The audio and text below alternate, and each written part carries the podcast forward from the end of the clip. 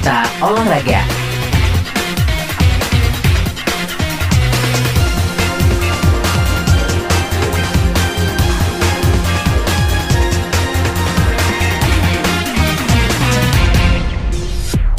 Sejuni untuk berita olahraga, pertandingan sekaligus pesta perayaan penyerahan Piala Liga 1 2021-2022 bersama supporter Bali United berujung polemik.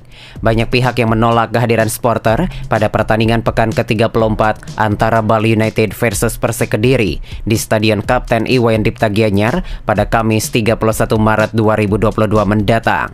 Selain itu muncul juga kritik mengenai hak istimewa Bali United bermain di kandangnya sendiri. Meskipun dibutuhkan untuk menunjang acara seremonial, namun dirasa tetap tidak adil. Menanggapi hal tersebut, CEO Bali United Yabes Tanuri menegaskan akan patuh sepenuhnya kepada PT LIB selaku otoritas tertinggi. Demikian saja Putra untuk berita olahraga, kembali ke program selanjutnya. Berita olahraga.